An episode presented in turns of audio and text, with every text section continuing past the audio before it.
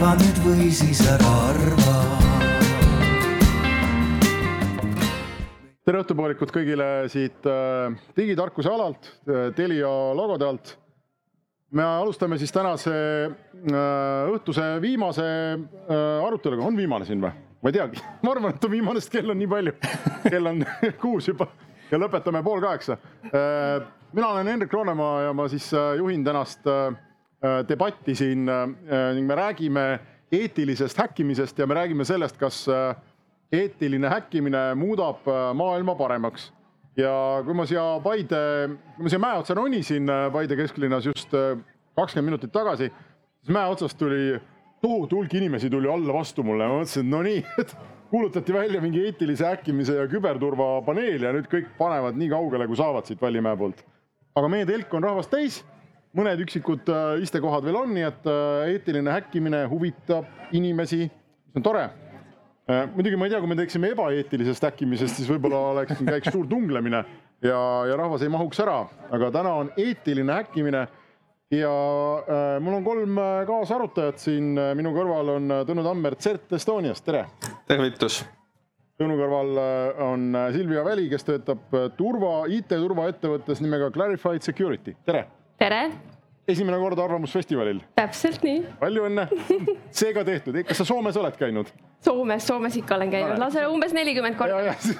juba elus on palju saavutatud, vähe on asju, mis on tegemata. on käidud Soomes ja on käidud Paides ja meiega on koos ka Agur Jõgi, kes on Pipedrive'is, tere Agur. tere, tere. ma ei tea, kes peaks nagu defineerima ära, võib-olla Tõnu, sina püüad neid äh, kurjameid, et mis asi see, noh, seda, mis on häkkimine, eks, et seda me umbes teame no kujutame ette vähemasti. oled sa selles lõpuni kindel? ei ole lõpuni, aga no enam-vähem oskad nagu selle ristikese kuhugi teha. mis on eetiline häkkimine? see on äh, hea küsimus.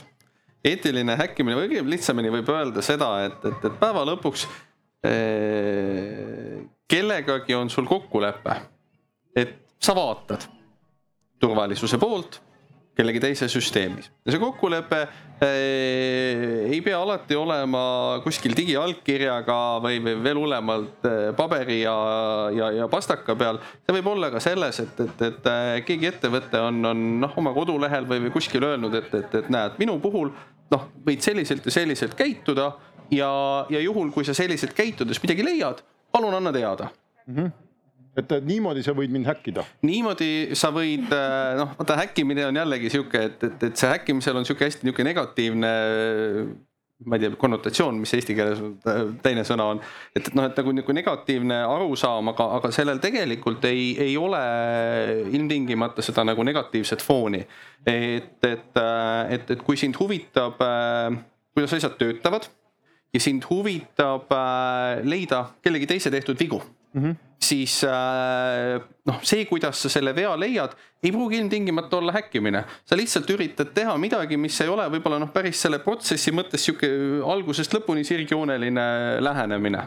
ja, ja, ja, ja avastad, et oi, näed, et, et ma astun sammu kõrvale, selgub, et põrandat ei olegi mm -hmm., noh, tegelikult nagu peaks olema, et, et, et või siis on sein ees, et, et ma ei saa kõrvale astuda. noh, siis sa oled leidnud mingisuguse, mingisuguse ebanormaalse olukorra, sa annad sellest teada. Ja kujutad ette, mõned isegi maksavad selle eest. See tuleb see ilmselt niisugune negatiivne või poolsegane alatoon tuleb äkki sellest, et on ju need musta mütsiga ja halli mütsiga ja valge mütsiga häkkereid, eks ju, ja ja musta mütsiga tegelastest räägitakse pigem valju häälega ja kõige rohkem ja siis ehmatatakse nendega nii lapsi kui ettevõtjaid. See võib olla ka tõsi, et, et, et noh, kui me nagu hekkimisest räägime siis, siis me kujutame ette mingisuguseid, noh, filmis on nad tavaliselt siuksed patsiga poisid, eks ole, arvuti taga, kus, kus kood jookseb, see ei pruugi alati olla reaalne pilt, eks ole aga, aga noh, kes tahavad kuhugi ebaseaduslikult sisse saada või, või, või veel hullem, et, et noh, et saavadki ja, ja, ja siis hakkavad andmeid krüpteerima või, või varastama, eks ole, et, et see kindlasti ei ole nüüd see eetiline. Okei okay Äh, ühesõnaga, kas, äh, kui me nüüd natuke vääname neid termineid lihtsustamise mõttes, et kas eetiline häkkimine on siis selline häkkimine, kui ma häkin kedagi, kes on öelnud, et see on okei okay, ja teen seda viisil, et ta, nagu ta on öelnud, et see on okei okay.? see on äkki nagu siukene, kui sa teed sünnipäeva, siis sa kutsud külalised ja siis tulevad kontvööred. et need külalised on nagu eetilised ja kontvõõrad, kes lihtsalt sisse tungivad. ma selle eetilisuse koha peal tegelikult natukene, ma tegin natukene sihukest eeltööd. ma küsisin enda sugulastelt ja sõpradelt tegelikult, et mis nende jaoks tähendab eetiline häkkimine. ma ei pannud sinna ümber mitte mingisugust sihukest ütleme nii IT-vormingut, et kuidagi neid suunata. aga tegelikult ainuke asi, mis nad reaalselt välja tõid, oli see, et eetiline häkkimine nende jaoks on selline häkkimine, kus sa ei tee neile kahju et äh, see oli põhimõtteliselt sihuke ainuke suur äh, joon, mis äh, minule nagu välja toodi, et kõik muu on okei okay,, kuni see mulle ei tee kahju.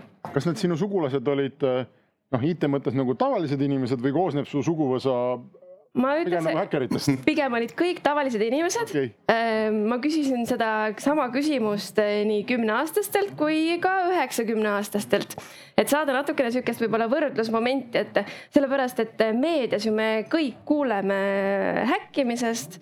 Ja kuidas siis tegelikult peaks tavainimene aru saama, et kui temal on nagu liiga tehtud, et, et kus, kuskohast see piir nagu jookseb, et mis on see moment, et ma peaks hakkama nagu küsima küsimusi, et ahaa, et näiteks äh, keegi siin äh, selline kolmas osapool sai minu andmed kätte, et kas ta tegi seda nüüd eetiliselt või mitte. et äh, see on pigem niisugune küsimus, mida võiks lahendada. kui nii-öelda häkitavale endale kahju ei sünni, et siis võib öelda, et on eetiline. no tuleb nii välja, tuleb nii välja. definitsioon no me oleme seda vaadanud natukene võib-olla selle poole pealt, et kui kui vaadata seda digimaailma jälgivaid äh, analüüsifirmasid, räägitakse umbes, et kolmekümne üheksa sekundi tagant toimub mingi järjekordne nagu häkk ja üle kuuekümne protsendi firmadest on, on häkkimise osaliseks nagu saanud, ehk et see on midagi, mis toimub maailmas niikuinii et see sõlt-, sinust, sinust sõltumata, et, et sa ei taha, et sind äkitakse, niikuinii äkitakse. sa arvad, et sa oled väike, sind ikka äkitakse, peaaegu et pooled ettevõtetest, keda häkitakse, on tegelikult väikeettevõtete klassist ja, ja, ja me oleme nagu pigem proovinud seda sedapidi enda kasuks nagu ära keerata ja selle eetilise häkkimise enda jaoks sedapidi defineerinud, et kuna meid niikuinii rünnatakse, siis parem me ise nagu anname ette mingisugusedki mängureeglid ja teeme seda veidikenegi kontrollitud viisil, et meil oleks võimalik ka endal sellest õppida, enne kui elu meid kuidagi nagu valusalt õpetab nagu selle varjatud poole pealt. okei okay,, nüüd me jõuame, eks ole, sinna tagasi selle äh, nende bug bounty programmideni, et mis on väga paljudel suurtel tehnoloogiaettevõtetel, et kui sa leiad minu teenusest, tootest X turvaaugu ja sa teatad mulle, on ju, et siis on võimalus, et me anname sulle tänutäheks selle eest raha ja see raha on siis sõltuvuses sellest turvaaugu tõsidusest, eks, et see, ma ei tea, võib ulatuda tõenäoliselt sadadest kuni äh, ütleme, sadadest dollaritest või eurodest kuni kümnete tuhandete dollarite või eurodeni, eks, et see, see on nagu see pool. just, just. et jah, me oleme ka endal äh, üles pannud sellise bounty või siis autasu programmi Hackeroni platvormil äh, oleme valinud välja endale hulga häkkereid, äh, kellele me aeg-ajalt anname siis stsenaariumid ette. kaks tuhat viisteist aastal juba alustasime, et päris tükk aega tagasi. me oleme saanud sihuke paar tuhat raportit, millest umbes pooled on olnud tegelikult päriselt ongi avastused. ja ma arvan, et meie üks suuremaid bounty sid, mille me oleme välja maksnud, ongi seal kümne tuhande ringis. ma nüüd kujutan ette homseid pealkirju, Pipedrive'ist leiti tuhat turvaauku võtad rahulikult seda? muidugi, kui me ei oleks neid ise avastanud, siis oleks homme kuskil kirjas, et Pipedrive'ist läksid kaduma need ja need andmed mm. -hmm.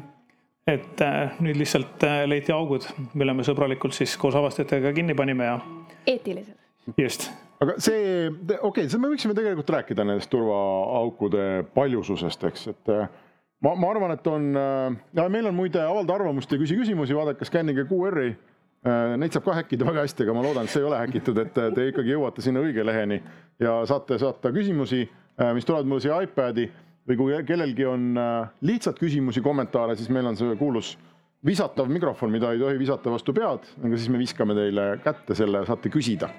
aga kas tegijal juhtub, eks ole, öeldakse, et see, et tarkvaras on väga-väga palju turvaauke tuhat on minu arvates päris palju, eks, ja need, neid on veel. ja see on ka aastast kaks tuhat viisteist juba, eks ju. jah, et kas see ongi normaalne, see ongi tegelikult see nagu tänane noh, tarkvara seis, et kui ma võtan ükskõik mis programmi, mida ma ise kasutan või mingi veebiteenuse, et see, et tuleb selle nagu tehnoloogiajuht istub siia maha, ütleb, et äh, meil oli tuhat turvaauku ja see oli alles noh, see oli juba ammu, et nüüd on veel rohkem, et see ongi normaalsus või?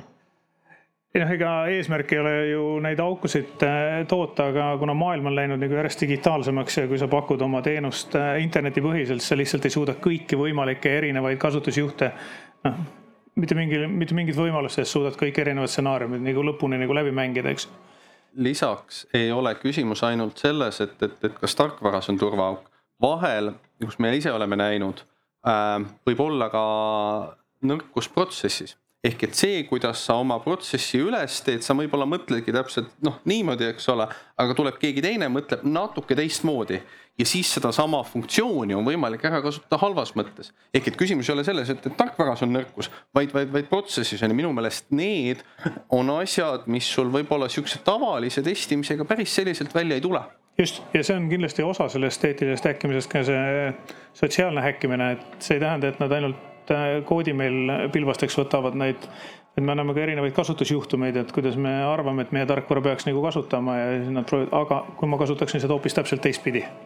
Äh, just nimelt need nagu protsessilised ja käitumuslikud nagu kontrollid tulevad ka samamoodi välja. kuule Tõnu, aga kui ja, ja. ja, et ma mõtlen, et testimise mõttes, et tegelikult äh, ütleme nii, kui ma võtan mingisuguse rakenduse endale ette, on ju, et ma igapäevaselt. sina tegeled sellega, otsid neid auke. jah, veebirakenduse turvatestimisega et tegelikult äh, päris hea aluspinnase testimiseks annab tegelikult see, kui sa alguses üritad seda rakendust kasu kasutada justkui nagu ähm, tavakasutaja sa pead saama aru, kuidas see rakendus nagu töötab, äh, mis ta sinu jaoks teeb, mis on need tulemid, kust tulevad mingisugused andmed ja kuhu nad nagu edasi liiguvad, eks ole. ja kui sa selle nagu suudad enda jaoks kokku panna, siis tegelikult sul on ju juba ees ka pilt sellest, missugused need siuksed ähm, äh, ütleme nii äriloogilised kontrollid sealjuures on et näiteks äh, võtta sihuke väga lihtne leht nagu Facebook, eks ole. Äh, meil kõigil seal on ju profiil ja sinu profiilil võib-olla on nagu üks idee ja minu profiilil on juba teine idee ja nüüd mu küsimus on, et, et äh, kui ma nüüd Facebooki külastan, et ma näen seal küll sinu profiili, aga kas ma näen seda täpselt sama vaadet nagu siis, kui ma näen iseenda profiili, kus ma saan ka näiteks andmeid muuta et äh, kõik sellised äh, nüansid tulevad seal tegelikult mängu ja just see aitabki seal testimise juures kõige rohkem, kui sa mõistad täpselt, kuidas see rakendus töötab ja võib-olla saad ka aru sellest, äh, milleks ta nagu ette nähtud, et leida üles need juhud, mille jaoks ta nagu ette nähtud ei ole. et need on need case'id, mis nagu just mind siis seejuures huvitavad. aga kui sa küsid, kas tehnoloogias nagu juhtub, et siis ma arvan, et ilmselt paratamatult äh, juhtub, et selle aasta jooksul ainuüksi siis kakskümmend, kakskümmend kaks on äh, krüptovaluutadega seotud äh, ettevõtmisi karistatud umbes kahe miljardi raame ulatuses. ehk et nii palju on häkkerid võtnud puhtalt ühest sellest valdkonnast. ja seda ainult selle aasta jooksul, mis on juba nagu kaks korda rohkem kui kogu eelmise aasta jooksul. ehk et see digitaalsus järjest kasvab. Digitaalsed teenused, uued teenused tulevad peale, nad ei ole algusest peale kohe nii turvalised ja nii edukalt ehitatud, et, et nüüd ongi küsimus, et kas sa siis jäädki sellele musta mütsiga häkkerile, black hat häkkerile, ta võtabki su raha ja läheb ära või sa kasutad neid äh, valge mütsiga white hat häkkereid, kes aitavad sul üles leida need, need võimalikud nõrkused sinu enda nagu lahendustes, et jah, ma arvan, et see on natukene nagu vist paratamatu, et tehnoloogial kipub aeg-ajalt olema aukusid ja siis ta kipub ka kuluma ja siis inimesed kipuvad vahel seda valesti, valesti kasutama.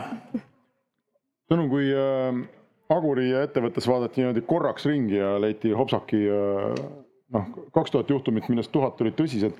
Pipedrive on võrreldes Eesti riigi kõikvõimalike teenustega suhteliselt väike tegija, eks et kui me siit äh, seda joont pikendame, et äh, no siis me võiksime siin mängida küsimustega, et, et noh, et kas Eesti riigi teenustes on siis kümme tuhat avastamata turvaauku või kakskümmend tuhat või mis, mis numbrit te ise seal kui, kui ägedat pealkirja sa tahad? no mina, mina õnneks ei, hetkel ei tegutse praegu kirjutavas ajakirjanduses, aga võib-olla mõni kuulab siin, et ütle siis välja. no me seda. teadmata hulk Neid, neid kindlasti on teadmata hulk, sellepärast et, et, et iga tööriist on võimeline leidma ainult nii palju, kui, kui sinna seda võimekust sisse pandud on kui ma ütlen, et, et, et ei ole mitte ühtegi, siis ma ka valetan, eks ole. Äh, samas äh, on noh, kui me vaatame neid riigiteenuseid, mis on avalikult kättesaadavad, nii nagu hästi öeldi, neid käiakse, katsutakse kogu aeg. kui seal nüüd nagu nii lihtsasti leitavaid asju oleks, siis me loeks selliseid riigi kohta käivaid halbu uudiseid, ma arvan, tiba tihemini järelikult noh, mingisugune, mingisugune kvaliteedikontroll ikkagi ette toimub. et, et, et päris siuksed, kuidas ma ütleks siis, silmaklapid peas, uksed lukust lahti, riigi teenused ikkagi internetti ei jõua no Google on üks firma, kes, üks väheseid firmasid, kes tegelikult avalikult äh, räägib sellest äh, äh, kui palju neid on häkitud ja kui palju nad ise ka white hat häkkerite abil on nagu avastanud, et Äh, minge, minge vaadake, mida Google enda kohta kirjutab, et äh, noh, nende numbrite kõrval kõik Eesti ettevõtted kokku ka ei jõua nagu kümnendiku pealegi. ja ometi nad on suured ja rikkad. ja ma mõtlen, et seda on huvitav tegelikult jälgida, et kui sa vaatad äh, tänasel päeval, siis on ju, et päris paljud ettevõtted tulevad välja ja räägivad nendest turvavigadest, mis on nagu avastatud. aga kui sa vaatad nagu sihuke kümme aastat tagasi, et siis see tegelikult oli pigem ju täiesti tabuteema, keegi ei rääkinud midagi Äh, pigem üritati kõike nagu maha salata, et ei, meil ei ole nagu mitte midagi juhtunud, aga samas sihuke läbipaistvus võib-olla ongi rohkem nagu inimeste usaldust ka võitnud, et näete, et kui midagi juhtub, me räägime teile, samas ka parandame ära, et keegi ei pane nagu silmaklappe pähe, et me jätame selle nii nagu on selle nagu teine pool on, ka neid regulatsioone tuleb kogu aeg peale, kasvõi seesama kurikuulus või ma ei tea, kui kuri, aga GDPR. et äh, kui sa nüüd nagu võrdled, et äh, et kus see risk äh, potentsiaalselt nagu suurem on, siis nende white hackeritega koostööd teha. Ähm, natukene ka rääkida sellest, et öelda, et me teadlikult kaitseme ennast äh, versus see, et kui siis midagi päriselt juhtub sinu nagu kliendi andmetega äh, ja kui siis tuleb see GDPR-i maksukirves, siis seda ei jõua keegi kuidagi kokku arvutada, et. aga samas sa näitad läbi selle tehes et sa kasutad kõiki võimalikke meetodeid selleks, et just. tegelikult seda, neid, neid andmeid kaitsta. just, just, ehk see on osa nagu sellest, ka sellest nagu regulatsiooni järgimise ja täitmise protsessist. riistakastist. just Ehm, Silvia, sina, kas me võime sinu kohta öelda, et sa oled eetiline häkker või? ma loodan küll, ma, ma enda teada ei ole mitte midagi siukest mitte eetilist. rõhke just sõna eetilisele et lihtsalt, kas see, noh, kas see termin ise on ju eetiline häkker, et noh, kas see on selline turundustermin või see ongi noh, normaalne selline IT-termin, mida, mida turvavaldkonnas iga päev kasutatakse, et sa võid minna kuhugi öelda, et hi, I m an ethical hacker ütleme nii, ma ei kõnni iga päev kontorisse ja ei ütle, et ma olen eetiline häkker äh,. aga eetilisus äh, minu töökoha puhul on kindlasti oluline äh, sest äh, tegelikult see määrab ju, mis ma nagu töö juures teen, on ju. et kui meie poole pöördub klient, kes soovib, et me testiksime tema poolt ette antud veebirakendust siis äh, noh, üks asi on see, et mind, äh, mu tööameti nimetus ütleb, et ma olen turvatestija, aga teine asi on ju see, et kas ma teen seda eetiliselt või mitte, et kindlasti on olemas ka mitte-eetilisi turvatestijaid, kes sellise töökoha peal töötavad äh, aga eetilisus seejuures tegelikult mängib väga olulist rolli, sest klient pöördub siis meie poole, ütleb, et näed, et ma tahaksin, et te testiksite nüüd rakendust A, eks ole. siin on sellise rakenduse skoop aga äh, samas on seal välja toodud võib-olla ka nimekiri asjadest, mida me ei tohi seal, sealjuures teha. näiteks äh, öeldakse piirangud, et äh, ärge tehke selliseid tegevusi, mis takistaks selle rakenduse üleüldist tööd. et äh, nad ei ole huvitatud näiteks massskenneerimisest äh, siis ma tean, et see on üks asi, mida ma teha ei tohi, kui ma seda teeksin, siis noh, siis tekib ju küsimus, et kas see, mis ma nagu töö juures teen, et kas see on eetiline mm. -hmm. et mul ei ole ju sellise tegevuse jaoks luba antud ja tegelikult see mängib ju rolli ka Bug Bounty programmide juures, millel on eesti keeles väga huvitav nimi, on puugipreemia programm. Et äh, preemiaid seal makstakse, mitte küll igal pool, aga, aga enamustes kohtades. Aga Bug Bounty'de juures tegelikult väga oluline asi ongi lugeda väga täpselt läbi, mis seal kirjelduses on äh, kirja pandud, sest äh, ma leian, et kui sa otseselt ei tööta sellisel töökohal, mis võimaldab sul iga päev äh, mingisuguseid rakendusi turvatestida, siis Bug Bounty programmid on tegelikult äh, sihuke väga safe bet, et sul on täpselt öeldud ette, mida sa tohid teha ja mida sa ei tohi. ja niikaua, kuni sa jääd sinna raamidesse, et sa teed asju, mida sa tohid, siis sinuga on kõik korras aga sa, samas on ka juhte, kus tegelikult inimesed on testinud mingisuguseid rakendusi, aga ikkagi seeläbi sattunud jamadesse. ma Eestis küll sellist äh, stsenaariumit ei tea, aga Ameerikas ja Inglismaal küll. et äh, tegelikult eelmisel aastal käis ka Eestis esinemas äh, mees nimega Rob Dyke ja temal oligi täpselt selline situatsioon, et ta nagu heast tahtest läks ütleme nii, mitte nagu ma ütlen otseselt otsima midagi, aga ta kogemata leidis. ja vaata see kogemata. kogemata sattus sinna kohta, kuhu ta poleks pidanud otseselt nagu sattuma ja. ja see on täpselt sihuke hall ala, et mm -hmm. mida sa nagu teed, eks ole, et kui sa kogemata leiad ja, ja see ei ole nagu kuskil otseselt seaduses ju kirjas ka, et kui sa kogemata leiad, et kas see on nüüd hea asi või see on halb asi. ja temal tekkiski sellest tegelikult päris suur probleem, kohtuprobleem ta leidis GitHubist avalikust äh, koodihoidlast siis äh, palju salajasi andmeid, võtmeid ja paroole ja kasutajanimesid. ja ta mõtles, et ta teeb nüüd heateo heas usus, et ta annab siis sellele ettevõttele nüüd teada, et näed, et ma leidsin, et äh, koristage need sealt ära. kui ta alguses sai nagu siukse ilusa vastuse, et aitäh, siis natuke aega hiljem tuli hoopis sealt sihuke kohtukutse et väga tasub tegelikult ettevaatlik olla, et mida sa testid ja eriti veel, et äh, mis riigis äh, see asi kõik sul toimub, eks ole, et kübermaailmas äh, jumal teab, kus see võib toimuda.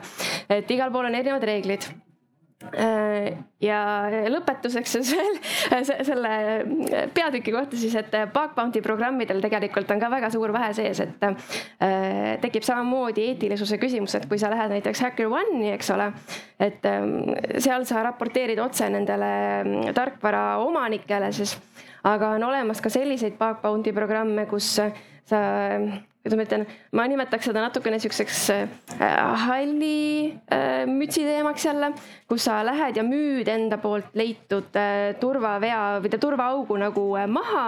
aga tegelikult sa ei tea ju, mis sellega pärast juhtub, kellele see pärast edasi müüakse ja mis nemad sellega teevad. et võib-olla lõppkokkuvõttes sa tegelikult tekitad rohkem kahju, kui see ütleme nii miljonid eurod, mis sa sealt teenisid, on ju et äh, see tõstatab päris kõvasti eetilisuse küsimuse. ma võib-olla lisan siia natukene juurde, et, et, et aru saada, miks, äh, miks sellised äh, jamad juhtuvad. mina olin esimesel kursusel, oli juba sihuke esimene semester lõppemas, eksamid tulemas vaatan mina ringi, jõudsin mina ka oma järgmine nädal toimuva eksamikeskkonda koos küsimustega, eks ole, no kaks... eetiliselt, kuidas sa nagu. no kuidas, ma lihtsalt jõudsin. kuidas ikkagi inimene nagu lihtsalt ma... saad aru no., mina ei ole jõudnud ma lihtsalt räägin, et noh, et, et jõudsin, eks ole. printisin kaks lehte välja, siis läksin dekaani juurde, noh, tõestus kaasas, et kuule, et, et noh, et võib-olla keegi teine sama eetiliselt ei käituks, eks ole. ja siis järgnes eh, kaks tundi privaatloengut eh, mis oli kõige parem eh, loeng üldse nagu kogu ülikooli aja jooksul. ja päeva lõpuks on see, et, et, et kui teine pool tunneb, et, et talle on justkui nagu liiga tehtud siis tal on õigus äh, enda kaitseks välja astuda. ja, ja vaata noh, see ongi see, et, et sina mõtled, et, et noh, et, et sa tahad teha head, annad teada, aga kui teine pool äh, noh, tead vahel juhtub, et on ärkad vasaku jalaga üles, eks ole, vale hetk, eks ole, kirjutad äh, avalduse kas siis politseile või, või, või Ameerikas lähed kohtusse, eks ole asjad hakkavad veerema, võib-olla sa järgmine hommik mõtled, et poleks nii teinud, aga noh, asjad on juba veerema pandud. et, et, et, et see on seesama see, et, et noh, et sa lööd mind, ma löön sind tagasi, eks ole, et, et kuidas sa julged, et noh, et, et see on nagu see noh, hästi nagu ürgne instinkt. no meie, meie saime üsna kähku aru sellest, et et see on natuke nagu ettevõttel on suhe kliendiga, sa pead klientide eest, kliente kuulama, klientide eest hoolitsema, neile nagu seda teenust pakkuma, mida sa oled lubanud. tegelikult nende Äh, nende häkkeritega, kes meid aitavad, on meil täpselt samasugune nagu kliendisuhe. et äh, sellepärast me oleme ka välja valinud oma community, keda me eelkõige nagu kasutame me väga nagu regulaarselt ka nagu äh, räägime nendega, mitte lihtsalt sellest ühest konkreetsest test case'ist, vaid meil on nagu ka sihuke inimeste tasandil nagu suhe ja filosofeerime häkkimisest kui sellisest, sest nad tulevad ka erinevatest riikidest, et üks meie paremaid ajaloos nagu siukseid äh, paremaid nagu partnereid on näiteks Austraaliast. ja kuna need Austraalias ju käivad, eks ju, pea alaspidi ja me käime pea ülespidi, siis nad mõtlevad natuke teistmoodi. ehk et sa pead suhtlema selle oma community'ga. aga, aga see nõuab, et sa tegelikult kasvaksid natukene sellest ürgsest instinktist ja, üle just. ja saad aru, et, et, et noh, et, et olukorras, kus äh, häkitakse nagunii, sul on noh, mõistlik see pöörata enda kasuks kuule oot-oot-oot nüüd. Mul on nagu küsimus ikkagi selle koha peal, et Tõnu, et kui ma elan kolmandal korrusel, lähen kodust ära, jätan õhuakna lahti, sina juhuslikult, noh nagu sa satud, eks ole, igale poole lähed mööda. ja juhuslikult sa miskipärast kõnnid mööda linna niimoodi, et sul on kaasas äh, redel ja siis äh, mingi äh, konksuga köis, eks ole, vaatad, ohoo, kolmas korrus, õhuaken lahti see küll ei ole nagu õige asi ja siis sul on veel kaasas selline õpetatud ahv, kelle sa selle redeliga upitad sealt õhuaknast sisse ja, ja ahv läheb siis teeb sulle alt mu ukse lahti ja siis sa võtad mu kaks läpakat, eks ole. ja siis järgmine päev helistad mulle, ütled, kuule, Hendrik, et äh, sul oli tohutu turvaauk praegu.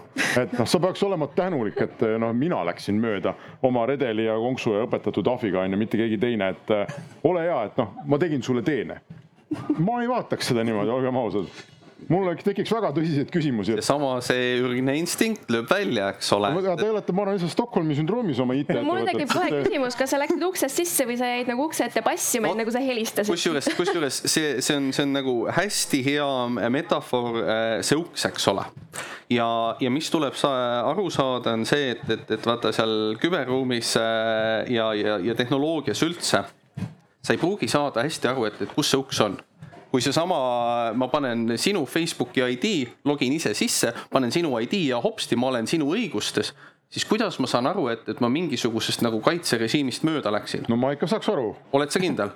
Kuidas sa aru saad? Miks sa teen copy paste. sa lähed oma Facebooki ja siis jälle satud kogemata, kogemata jõuad selleni, et paned kellegi teise ID. login log,, või ütleme, et vaatan, mida, mida sina teed ja hopsti olen sinu õigustes, ma ei ole mitte millestki justkui mööda läinud, sa ma ei oma asju ei aja internetis, miks sa pead, ma lihtsalt toon näite, eks ole, et et tegelikult sellest ukse metafoorist on teinekord ka maru keeruline aru saada. ja, ja, ja, ja noh, seda enam, kui ütleme, et Facebook ei ole isegi sinna ust ette näinud, uks ongi lahti noh, siis öelda, et, et, et noh, et, et ma nagu pahatahtlikult sinna sisse astusin, selle asemel, et ma lihtsalt eksisin ära kõnni mööda tänavat, vaatad, ukse ava on, telekas paistab toas, praegu ma vist võin sinna minna. kas ma ta kaasa võtan, eks ole, see on see.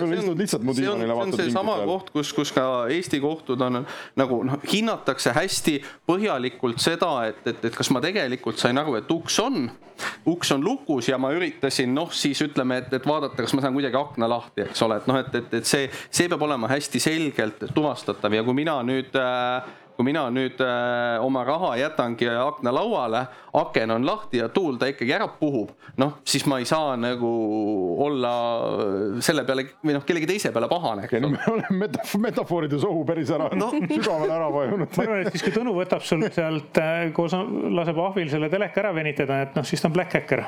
okei, ei ta tuleb järgmine päev tagasi, ütleb Hendrik, kallis inimene, sul oli tohutu turvaauk Jah.. ma teen sulle praegu heateo, näe, ma tulen räägin sulle, milline õudne ja turvaauk kui ta läheb, laseb oma ahvil selle akna nagu kinni tõmmata ja annab sulle teada, et ära järgmine kord jäta lahti. Okei, siis ma olen ta tõesti tänulik. ta on nagu siukene grey hacker, et Okei. et, et ta ei küsinud su käest luba, aga ta ei teinud ka midagi halba.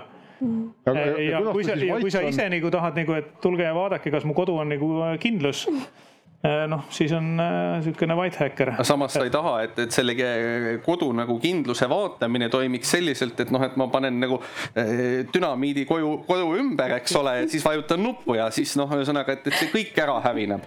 et noh, et, et, et sellepärast ongi hästi oluline need, need, need nagu piirid enda jaoks ja ka siis teise poole jaoks paika panna meil oli Eesti riigis ju äh, hiljuti see kuulsusrikas case, eks ole, kus äh, tuli inimene teie asutuse juurde, võib-olla sinu juurde isiklikult, ma ei tea, ütles, et kuule, et ma olen leidnud tohutu turvaaugu, andke raha. ja kuidas see vaidlus teil seal täpselt läks, siis te ütlesite, et ja, ja me anname raha ja siis paariks kuuks jäi, tekkis mingisugune bürokraatlik segadus, et mis raha ja kuidas me talle ikka anname ja siis ta vahepeal sai väga pahaseks. Räägi see juhtum kuidagi nagu ära, ma võin kahest juhtumist rääkida. sellepärast, et need äh, iseloomustavad seda, seda erisust nagu hästi palju. kaks tuhat kaheksateist oli ka suvi, oli jälle Eesti E märksõna, see on avalikult ka igalt poolt läbi käinud, oli, oli turvanõrkus. ei kontrollitud pangalingiga sisse logimist päris nii, nagu ta peaks, eks ole ja, ja ühes Eesti või noh, ma ei tea, Eesti Skandinaavia ettevõttes töötav inimene kuidagi trehvas selle peale. selleks, et aru saada, et, et kas ta saab teise inimese õigusest sisse või mitte, ta võttis oma õe üks kord lisaks noh, iseendale, kellega sul nagu sa võiksid saada.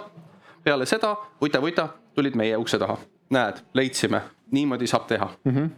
sellest mitte mingisugust äh, kisa ei tekkinud, sellepärast et noh, me saime aru, et, et, et ta üritas nii vähe teha kui võimalik, aga samas nii palju, et noh, et, et ära kirjeldada, näed, ma tegin nii. niimoodi saad sa teha nagu potentsiaalselt igaühe kohta, eks ole ja vaatasime logid üle, tõepoolest noh, me ei näinud teist äh, ärakasutamist nagu aja jooksul, aga ka seesama isik tegelikult ei olnud äh, seda leidu ära kasutanud mm. -hmm. me ei tundnud, et, et, et vaja oleks minna kohtusse. Nüüd võtame see eelmise aasta näite. Artur Boiko vist oli see mees, jah? oli äh, selline nimega isik tõepoolest. See, äh, kui ta väitis, et, et, et ta andis teada, siis esiteks see on vale. Oota, võtame nüüd sammu tagasi, ma arvan, et võib-olla ka enamus ikkagi publikust täpselt ei tea seda. tema ka kondas mööda internetti, eks ole, Afganistas sattus äh, tema, tema ei sattunud augu otsa, ta päris äh, tõsiselt hakkas vaatama ühte Riigi Infosüsteemi Ameti teenust. Ja, ja, ja esialgu see teenus noh, ei andnudki talle neid andmeid, mida vaja. Aga siis ta hakkas, äh, hakkas nagu seda noh, sisenditega manipuleerima, et noh, et, et, et äkki ma ikkagi saan nagu need vastused äh, midagi enamat kui see, et, et, et ei saa. Ja, ja ühel hetkel ta leidis selle augu kuidas ta siis aga ta väga tõsiselt ta, otsis seda. ta otsis päris, äh, päris omajagu ja noh, vaata, kui sa pimesi otsid, ega sa päris alguses noh, ei saa aru, et, et, et mille peale see auk sul avaldub. ehk et, et äh, selles mõttes see, see teekond äh, võttis tal ka aega ja, ja, ja noh, päeva lõpuks äh, ta jõudis äh, seda teha enam natuke rohkem kui kahesaja kahekümne, kaheksakümne kuue tuhande reaalse inimese peal. ta laadis alla nende, need dokumendifotod. dokumendifotod ehk et, äh, et noh, et, et kui eelmine kord oli, et, et noh, et sa võtad oma, ma ei tea, õe või, või noh, kes sul lähisugulane on. proovid ühe ära teha, eks ole. et noh, et, et sul on nagu selge, et, et, et ma ei räägi endast. et tõesti, aga tema kontrollis kakssada kaheksakümmend kuus tuhat korda, kas see auk ikkagi päriselt on olemas. Nonii, kes, kes usub, et, et, et äh, kontrollimaks, kas auk ikka reaalselt on, sa pead seda kakssada kaheksakümmend kuus tuhat korda tegema okay,. Aga... ütle, et, et ühtegi kätt ei tõusnud ma ütlen siis, et ma ei, ei näe, et oleks tõusnud no,. aga mis ta siis äh, pärast seda, kas ta tuli ise teie juurde ja ütles, et mul on siin palju fotosid või teie pigem leidsite tema või kuidas see protsess käis? meil tekkis äh, potentsiaalne aimdus, kes äh, see isik võiks olla me edastasime nii kuriteoteate, kuna see ilmselgelt noh, selline mass ei ole midagi, midagi heatahtlikku, edastasime materjalid politseile. Politsei äh, alustas menetlust, tegi läbiotsimise, tuvastas, et tõepoolest see isik oli äh,, oli äh, need fotod oma arvutisse laadinud, no ja sealt läks see menetlus edasi. aga noh, siin ja ei ole mingit halli ega valget nagu siin ala, see on ikka väga must ala. ei ole kohe kindlasti äh, mitte mingi, noh, nagu noh, ma nii diametraalselt äh, erinevad ja noh, see on ka see, miks ma, miks ma need kaks lugu tõin, eks ole, et, et, et noh, publik saaks aru, et, et, et nad noh, siin ei ole nagu seda, et noh, et üks, kaks, kolm, noh, kus see piir jookseb, eks ole mm, -hmm. et, et, et on üks ja, ja siis on ligi kolmsada tuhat, eks ole, et, et äh, pluss äh, ta ei tulnud kordagi meie juurde. Nii et, et, et seda, et, et ta, ta tahtis, see, see on vale. Küll ta tuli pärast, et tal on veel auke aa, see oli niimoodi, et kõigepealt tuli politsei, võttis ta kinni ja siis ta ütles, et aga ma tean veel midagi. mul on veel midagi, nii et, et, et ja tegelikult äh, noh, ütleme, et, et olukorras, kus me olime tuvastanud seda, et inimesel on võimekus leida, siis noh, meil oli nüüd eetiline dilemma. Ähm, kas me ütleme riigiasutusena, et meid tegelikult ei huvita, et sa leidsid augu las need riigi äh, noh, kätte usaldatud andmed olla siis koos auguga või me oleme nõus, et noh, et hää küll, et, et noh, et, et kaks eraldi kaasust, üks ei välista teist. ühe eest lähed vangi, teise eest saad autasu. no piltlikult, aga, aga noh, see oli see, see oli see raske valik ja ega siin ei ole häid valikuid äh,. otsustasime, et noh, hää küll, et, et, et äh, leppisime kokku me küsisime ka kinnituse, et ta ei ole seda samaväärselt kuritarvitanud, sest noh, vastasel juhul me ei saa, äh, me ei saa noh, selle kokkuleppele minna. Isik kinnitas, saime info, see ei puudutanud esiteks üldse Riigi Infosüsteemi Ameti äh, teenuseid. no hea küll, me olime ikkagi lubanud, eks ole, fine.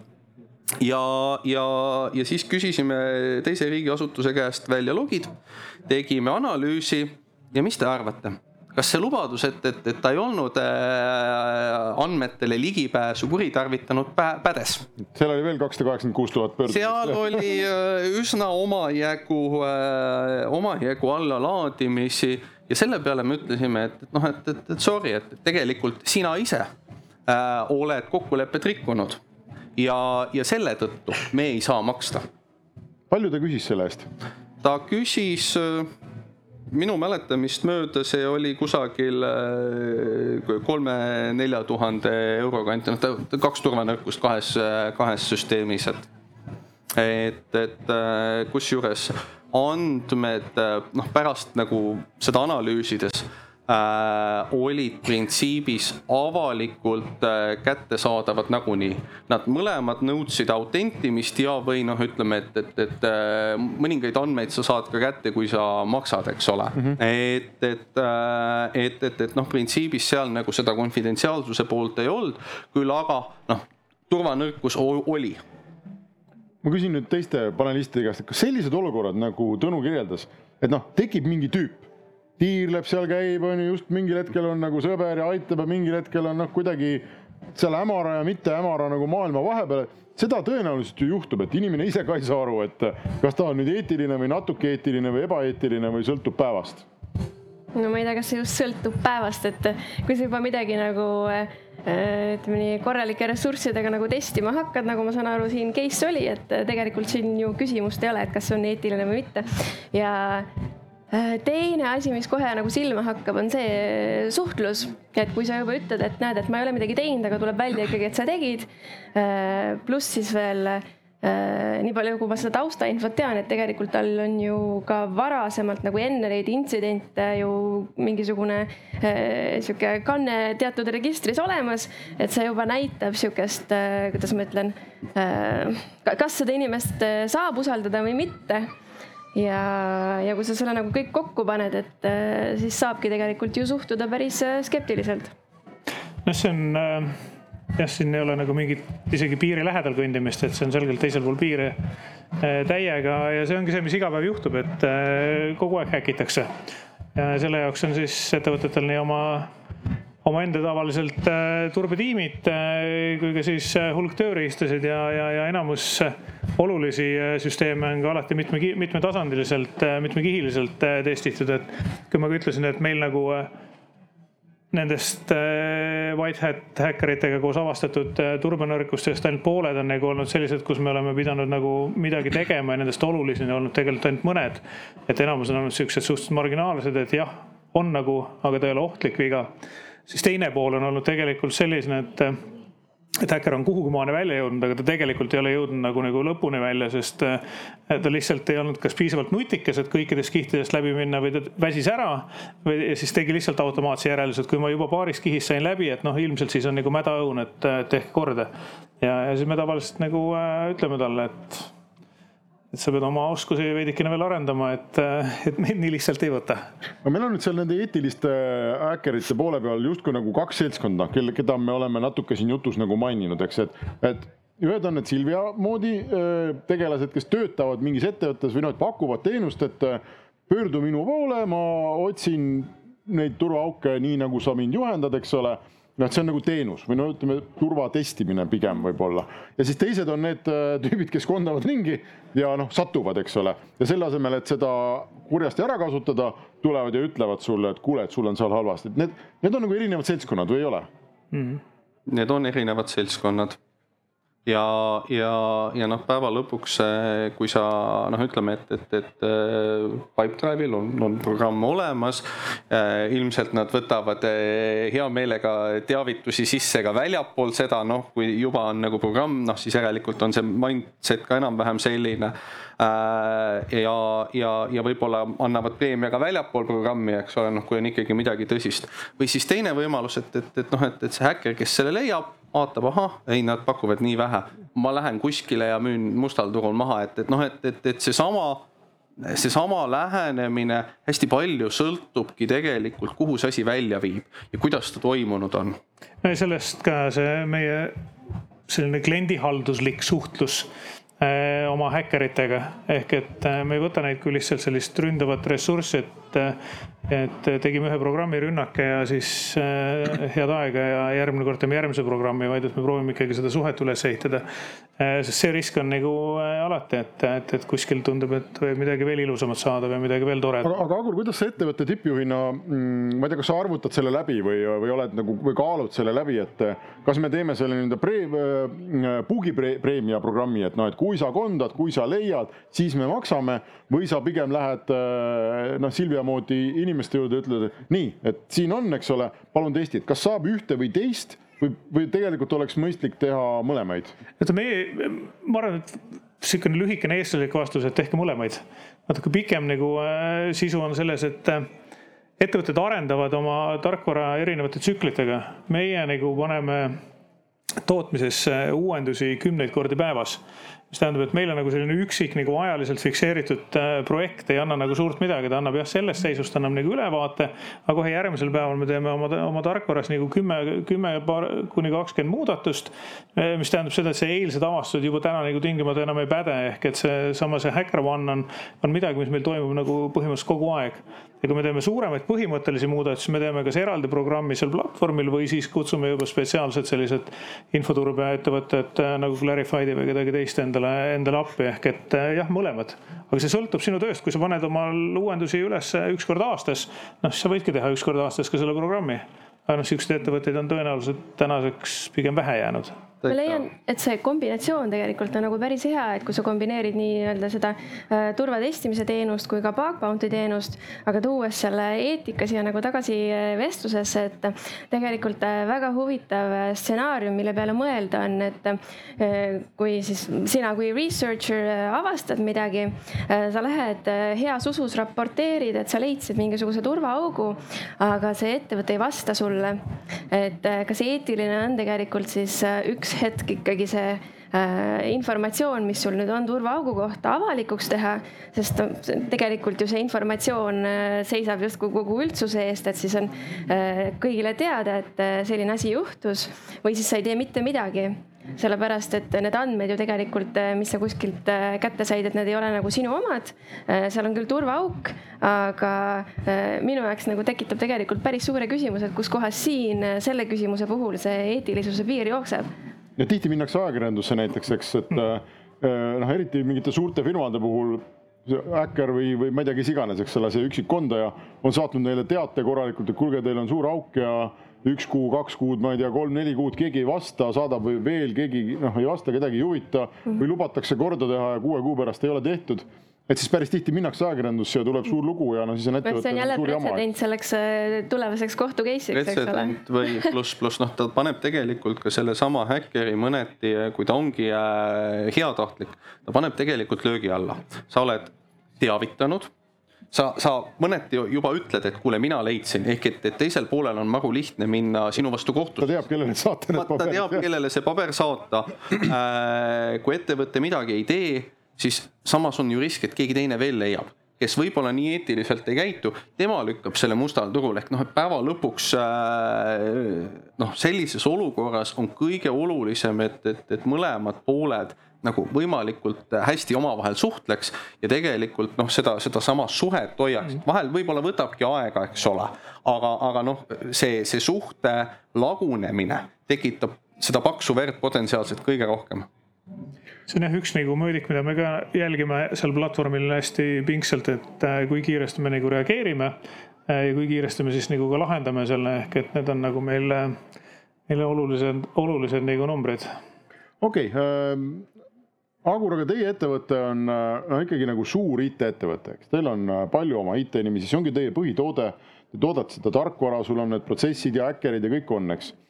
aga kui ma ei ole, kui ma olen mingi muu ala ettevõte ja võib-olla mul on noh, kas mul on nagu võrgus mingisugune asi või ma olen lasknud mingil kutil kunagi mingi tarkvarajupi arendada, eks ole. ja nüüd ma saan ükspäev kirja, mina näiteks oma ettevõttes olen saanud kunagi sellise kirja, et äh, oi, et teil on seal äh, suur auk, on ju, et äh, noh, kandke raha üle, et siis ma räägin teile. täiesti lambist. mis ma teen siis? mis, mis ma peaks tegema, kas ma pean Tõnu juurde minema või kandma talle seda raha või et ta nagu äkkinud mind väidetavalt ei ole? midagi ei oska teha no ma ei tea, ma arvan, et CERD-i juurde on kindlasti abiks äh, minna, sest äh, võib-olla on siin riigis samasuguseid äh, juhtumeid juba nagu olnud ja teada. ja, ja, ja. see oli üldse väga välismaalt, eks ole, see ei olnud mingi eestikeelne kiri. mulle meenub see kiri, kus äh, sind on äh, sinu arvuti kaudu jälgitud nähtud, et sa teed seal sihukest täiskasvanute asja ja nüüd oleks mõistlik. no neid on umbes pool, pool eestlasi on saanud. et, et, et, et vaata, sellistel asjadel on ka oluline, et, et, et sa nagu saad aru, et, et, et kas see on lihtsalt sulle saadetud võngitsemiseks, sest see võib olla ka nagu raha välja õngitsemise viis või on seal asja, midagi muud taga nüüd äh, kui, kui algusest peale kohe selliselt läheneda, siis on jälle hästi lihtne nagu üle selle piiri minna sest et äh, kui ma ütlen, et kui sa ei maksa, siis, siis on see juba väljapressimine, vähemalt paragrahvi järgi, eks ole, et, et, et äh, ja noh, taaskord kui, kui teine pool on ikkagi nagu heatahtlik siis noh, ma arvan, et, et mitte keegi ei taha pärast seda kohtumenetlust, eks ole. aga ta on nagu pooleldi heatahtlik, eks, et kui ta oleks nagu üleni heatahtlik, siis ta saadaks mulle kirja, ütleks, kuule, et noh, vaata sinna-sinna, et äh, sul on probleem, aga, aga ta on nagu selles mõttes heatahtlik, et ta ei ole otseselt mulle ise sisse murdnud või kuidagi läinud seda müüma, aga ta ei ütle mulle ka, milles see asi on. No üks näide, mis äh, päädis, äh, päädis sellega, et, et, et üks minu kolleeg võttis minu nimel kiirlaenu või selle looga ära rääkida.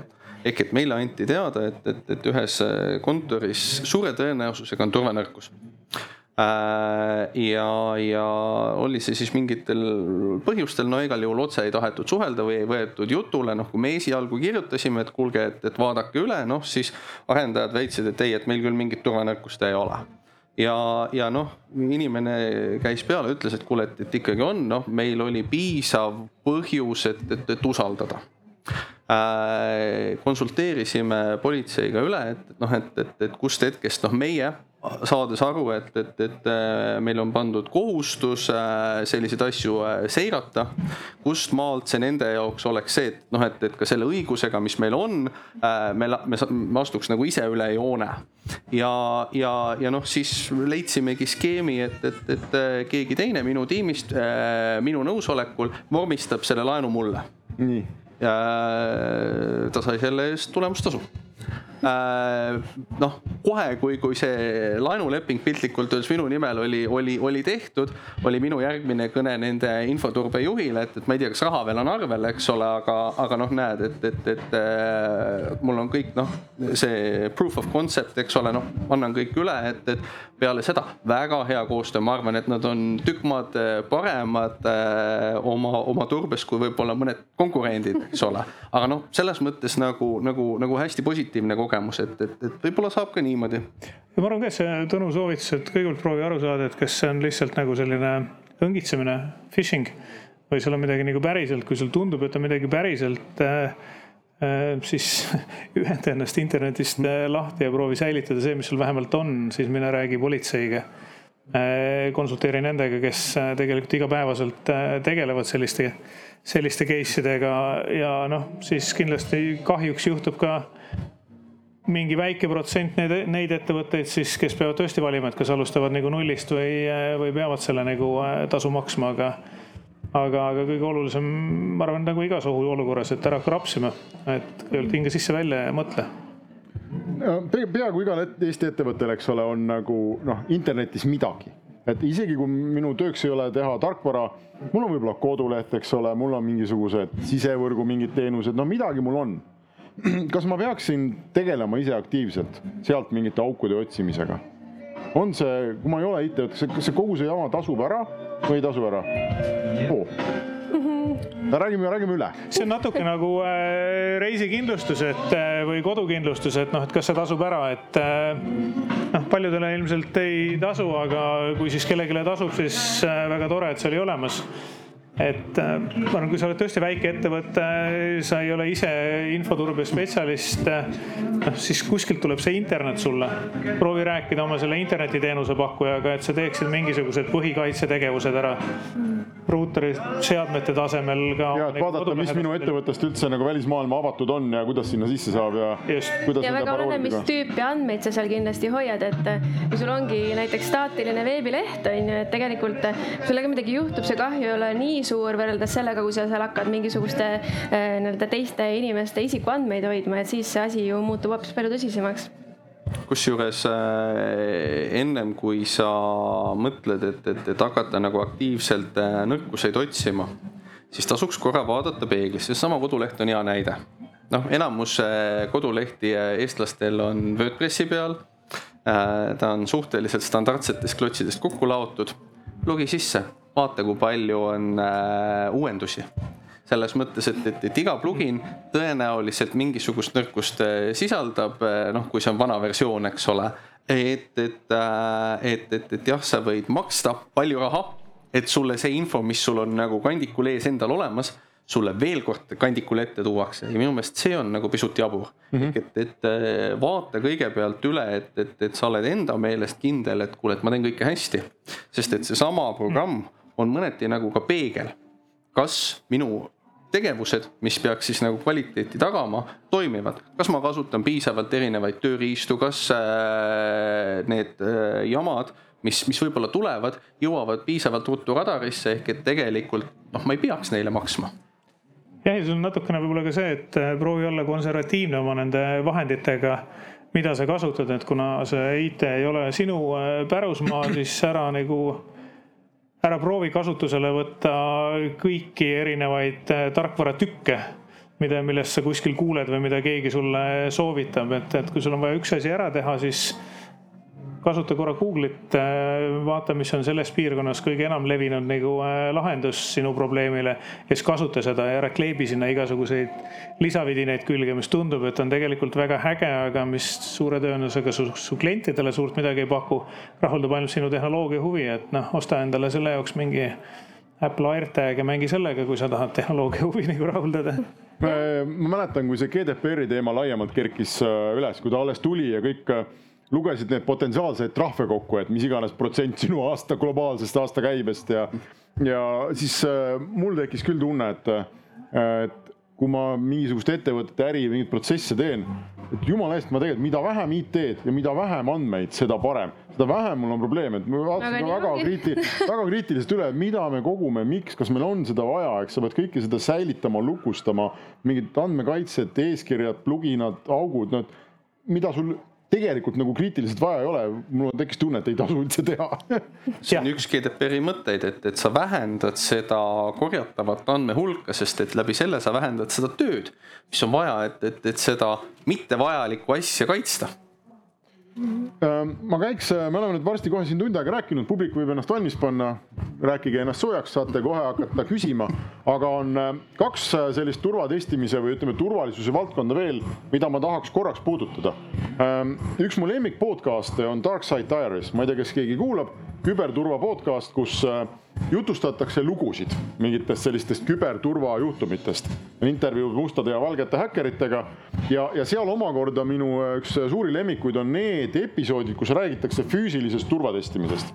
et mingi ettevõte on palganud inimesed mitte, et äh, mitte ainult, et murra minu IT-sse sisse, vaid et kas sa saad teha niimoodi, et sa munsterdad ennast minu mingisse kontorisse ja noh, lülitad siis enda mingi seadme sinna võrku, mis jääb kuhugi riidekappi tiksuma ja ma võib-olla ei teagi. ja no vot, need on sellised äh, James Bondilikud episoodid, eks, et kuidas võltsidentiteetide ja ma ei tea, mingi parukate ja kostüümidega mingid tüübid, noh, lihtsalt valetavad ennast, ma ei tea, ehitusmeesteks ja lähevad kuhugi ettevõttesse ja ja noh, järgmine hetk ongi serveri ruumis, eks ole, ja noh, kui keegi küsib, mis nad teevad, siis nad ütlevad kurjalt, et ärge segage, me teeme väga tähtsat asja ja, ja noh, siis töötajad lähevad minema, eks, et kas seda tehakse Äh, ma ei tea, kas teie teete või kas see on Eestis nagu kombeks, aga see tundub ka ise suures kontorihoones olles töötanud, kogu aeg mingid tunkedega mehed sehkendavad, eks, et sa, sa ei tea, kes need on ähm.?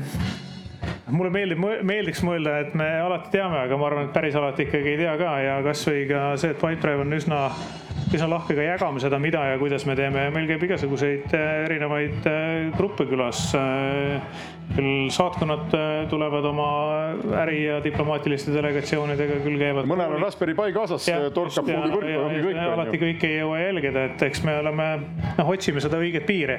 täna ei ole, vähemalt ma ei tea, et meil oleks juhtunud selliseid selliseid juhtumeid, mis me tegelikult oma nagu võrku monitoorime suhteliselt hästi. keegi pole veel redeliga ukse taga käinud? jah redeliga ukse taga käinud, et, et, et siiamaani oleme pääsenud, aga jah. aga see on teema, eks ole. me tegeleme, see on teemaks. see on, see on teemaks ja me proovime leida sinna selliseid kaitseid kogu aeg juppavale juurde. Need seadmed on tükk maad väiksemad kui Raspberry Pi. ja ma just tahtsin küsida, et Tõnu, et delegatsioon Astrahanist jalutab läbi kolme ministeeriumi, et okei okay,, võib-olla Astrahan ei ole süüdi, aga no piltlikult öeldes, et ega ei jõua ju, sa ei jõua, no hulluks ei saa ju minna. seda noh, ega sa ei jõua neid eh, porte füüsiliselt tõepoolest läbi käia.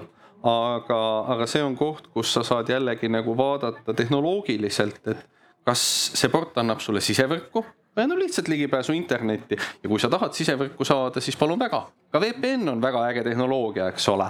et, et äh, ja noh, pane siis sinna oma seade, noh, parim, mida teeb, eks ole, et, et, et saavad pärast CERD-i käest teavituse, et, et äh, teed midagi, äh, mida sa võib-olla noh, oma IP pealt tegema ei peaks. kahjuks väga seal podcast'is nad ikkagi väga tihti said hopsti sisevõrku. saavad sisevõrku, kusjuures noh, neid, neid näiteid on teisi, et, et, et enamik ja, ja kohe julge enamik Eestis neid uksekaarte, millega erinevatesse kohtadesse sisse saadakse sada kakskümmend kaheksa megahertsi on see, kus nad töötavad, mõnikümmend dollarit on see kloonimiskitt ja kui tahate kõige lihtsamalt kloonida näiteks Hendriku uksekaarti, siis noh, kui ta läheb pärast sinna tualettruumi seisab püsti, noh, ega mehed tavaliselt ei vaata ju väga külje peale, eks ole, et, et mida naabrid teevad. paned omale õlakotti seadme, mis on noh, selles mõttes sinu puusale lähemal. müksad korra vastu võib-olla. ja, ja, ja kolksti on, on kaart kloonitud ja, ja Hendrik logib sisse kuskile. ja noh, selliste uksekaartidega nagu üks selline, ma arvan, et üks üsna suhteliselt klassikaline, meil läks hääl ära või? ei läinud? ei, meil üks laev sõitis siit mööda üks äh, Paide Paisjärvest. üks klassikaline võimalus on see või diskussioon on see, et kas me peaksime oma töötaja kaardi peale panema pildi ja ettevõtte logo et kui paned ja kui see kaart ära kaob, noh siis nad teavad ju kohe, kuhu tulla. teiselt poolt seesama küsimus, et kust sa tead, kas see tunkedega mees on nagu sinu mees või mingi võõras mees, et kui kõigil on nagu täiesti näotud nagu kaardid, noh siis nagu jälle ei saa nagu aru, et kes on nagu enda inimene, eriti kui sa oled nagu suurem ettevõte. ma ei tea, mis on nagu õige lahendus, et aga, aga see kuskil seal vahepeal peab see lahendus, lahendus olema, aga, aga, aga noh selliseid, selliseid olukordasid, kus nagu noh, tundub, et okei okay,, paneme oma inimestele pildi külge, et, et siis on ju lahendatud, tegelikult ei ole ja Silvia, kas teie ettevõte tegeleb füüsilise turvatestimisega või on Eestis olnud? mina isiklikult äh, ütleme nii äh, lepingupõhiselt siis äh, selle teemaga ei tegele. meil täitsa on olemas Red Teaming teenus, mida me müüme, mis sisaldab ka siis füüsilist osa sellest turvatestimisest, et tegelikult no ütleme nii, nii palju, kui ma ise sellise füüsilise poolega sellest äh, kokku puutunud olen, on see, et äh, ma olen näiteks äh, koolis käinud õppelukkudega, näidanud tudengitele, et kuidas neid lukke siis ilusti lahti teha saab. ja ütleme nii, osad lukud ka sellised, mis ma arvan, on päris paljudel Eesti inimestel ka kodus, tulevad päris kiiresti lahti. et see on kindlasti üks osa sellisest füüsilisest Äh, turvatestimisest, aga ma arvan, et see kombo tegelikult on palju kirjum, et esiteks sa pead oskama siis äh, õigesti psühholoogiliselt siis käituda, et kuidas mm -hmm. sa mhm. sellele ettevõttele nagu lähened. Äh, mis on need nii-öelda ettevõttesisesed kombed, et sa ei käitu kuidagi ju hoopis teistmoodi kui need inimesed, kes seal igapäevaselt käivad, et sa jääd ju muidu kohe silma ja teine asi on jah, et kuidas sa saad täpselt äh, ilusti läbi kõigi nende uste, mis sa siin äh, lahti jätsid enne, et, et see on juba sihuke ähm,, ma ütleks äh, järgmine samm sellest ja siis äh, äh, muidugi loeb ka see, et mis sa, sa nagu kohapeal tegema hakkad, et äh, kui sa täpselt ei tea, kus mingisugused ruumid asuvad, et samamoodi jääd päris kergesti silma. aga kui sul on õnnestunud selliseid asju juba välja uurida, et siis see võib-olla juba lihtsustab su ülesannet. see on üks noh, mida meie teeme, üks asi ka niimoodi suhteliselt regulaarselt proovime läbi viia selliseid desktop äh, harjutusi, kus äh, siis kutsume väljast abilised, et äh, viimati kasutasime UK siis Inglise armee küber, küber, küberinimesi, kes kirjutasid valmis stsenaariumi, mis siis simuleerisid mingisugust Pipedrive'i väliskriisi olukorda, mis eskaleerus lõpuks ka Pipedrive'i sisemiseks, siseseks kriisiolukorraks ja noh, ta oli nagu rollimäng, aga ta oli hästi nagu äh, elulähedane ja, ja, ja selle juures testiti tegelikult nagu kõike meie nagu füüsilise turbe olukordasid kui ka tegelikult ettevõtte nagu kultuuri. Ehk et inimesi pandi nagu äh, korruste peal mingisugustesse olukordadesse ja jälgiti, kuidas nad reageerivad. Ehk et et noh, enamasti see nõrkus ikkagi tuleb või noh, enamasti väga sageli see nõrkus on tegelikult inimeses, mitte nagu selles füüsilises seadmes või selles nagu äh, digitaalses keskkonnas, et, et see peab seda kompleksselt nagu. kas see stsenaarium siis ähm, tuli nii-öelda koos üllatusmomendiga või, või mitte, et kõik ikkagi teadsid, see juhtub? no me olime baasstsenaariumi kokku leppinud, aga sinna oli terve rida nagu üllatusi sisse ehitatud ja selle stsenaariumi nagu kogu see ülesehitus oli see, et lõpuks me kaotame niikuinii. ehk et eestvedajad lihtsalt keerasid kogu aeg nagu seda taimerit natukene nagu kiiremaks, kuni ühel hetkel lihtsalt nagu kellelgi pidi nagu juhe kokku jooksma. ja, ja see oli nagu väga äge selline stress-test organisatsioonile ülevalt alla. ehk et juhtkond, kui kiiresti suutis juhtkond mobiliseeruda, kui kiiresti suudeti leida üles inimesed kes millegi eest vastutavad, pooled neist olid kogemata puhkusele sattunud. kas keegi teab, kes asendab neid, kuidas siis protsessid toimuvad, et, et noh, seda häkkimist ja testimist on nagu väga erinevaid viise, et see ei ole ainult see, et ma proovin sinu nagu kodulehekülge nagu maha võtta, vaid mm -hmm. see on palju sellisem laia, laiaulatuslikum tegevus. no sellised harjutused tegelikult noh, nad annavad mõtteainet, vaata onju, et sa oled selles situatsioonis sees, sul on natukene sihukest äh, pinget ka peale pandud, aga tegelikult siin on kõige olulisem see, et see inimene peale seda, kui see harjutus nagu läbi saab, et ta seda kohe kõike ära ei unustaks. ta tuleb võib-olla homme tööle tagasi onju, et kas kõik on nii, nagu oli enne seda harjutuse tegemist või jäi nagu midagi külge ka, et et äh, tihtipeale, kui ise oled mingisuguses stressirikkas situatsioonis, et kuidas sa käitud, vaata, et kas sul tuleb kohe see asi meelde, mida sa õppisid seal. Äh, või siis äh, tulevad need siuksed vanad käitumismustrid kohe tagasi, et teinekord, kui näiteks tööl on kiire, on ju, sa teed enda emaili lahti, vaatad, ahaa, siin on mingisugused lingid, ei huvita, võtad järgmise. et tegelikult, kui kiiresti sa selle info hulga nagu läbi käid ja kui palju sa tegelikult suudad sellest meelde jätta, et kui ma küsin näiteks, et missugune nägi välja see kõige viimane email, mida te näiteks kodus lahti tegite, et kui paljud teid, teist tegelikult mäletavad seda ja mis link see oli, kuhu see teid viis, kui te selle lahti tegite. et teinekord see võib suunata teid hoopis kohta, mida te ei oota. et äh, sihuke inimfaktor mängib selliste harjutuste juures päris suurt rolli ja, ja ma olen ka aru saanud neid lugusid kuulates, et neid eriti ägedaid äh, nagu füüsilise komponendiga turvateste, neid tehakse ettevõtetes ja asutustes siis, kui äh, ettevõtte juhtkond miskipärast jonnib ja ei taha turvaeelarvet juurde anda. et siis tellitakse selline tulevärk peale, eks ole, ja kui ikkagi boss avastab, et tal on nagu hommikul noh, kabinetist on pooled asjad ära viidud, eks ole, ja mingi lutikas pandud, et siis pidi raha kähku tulema. et tuleb tõesti teha.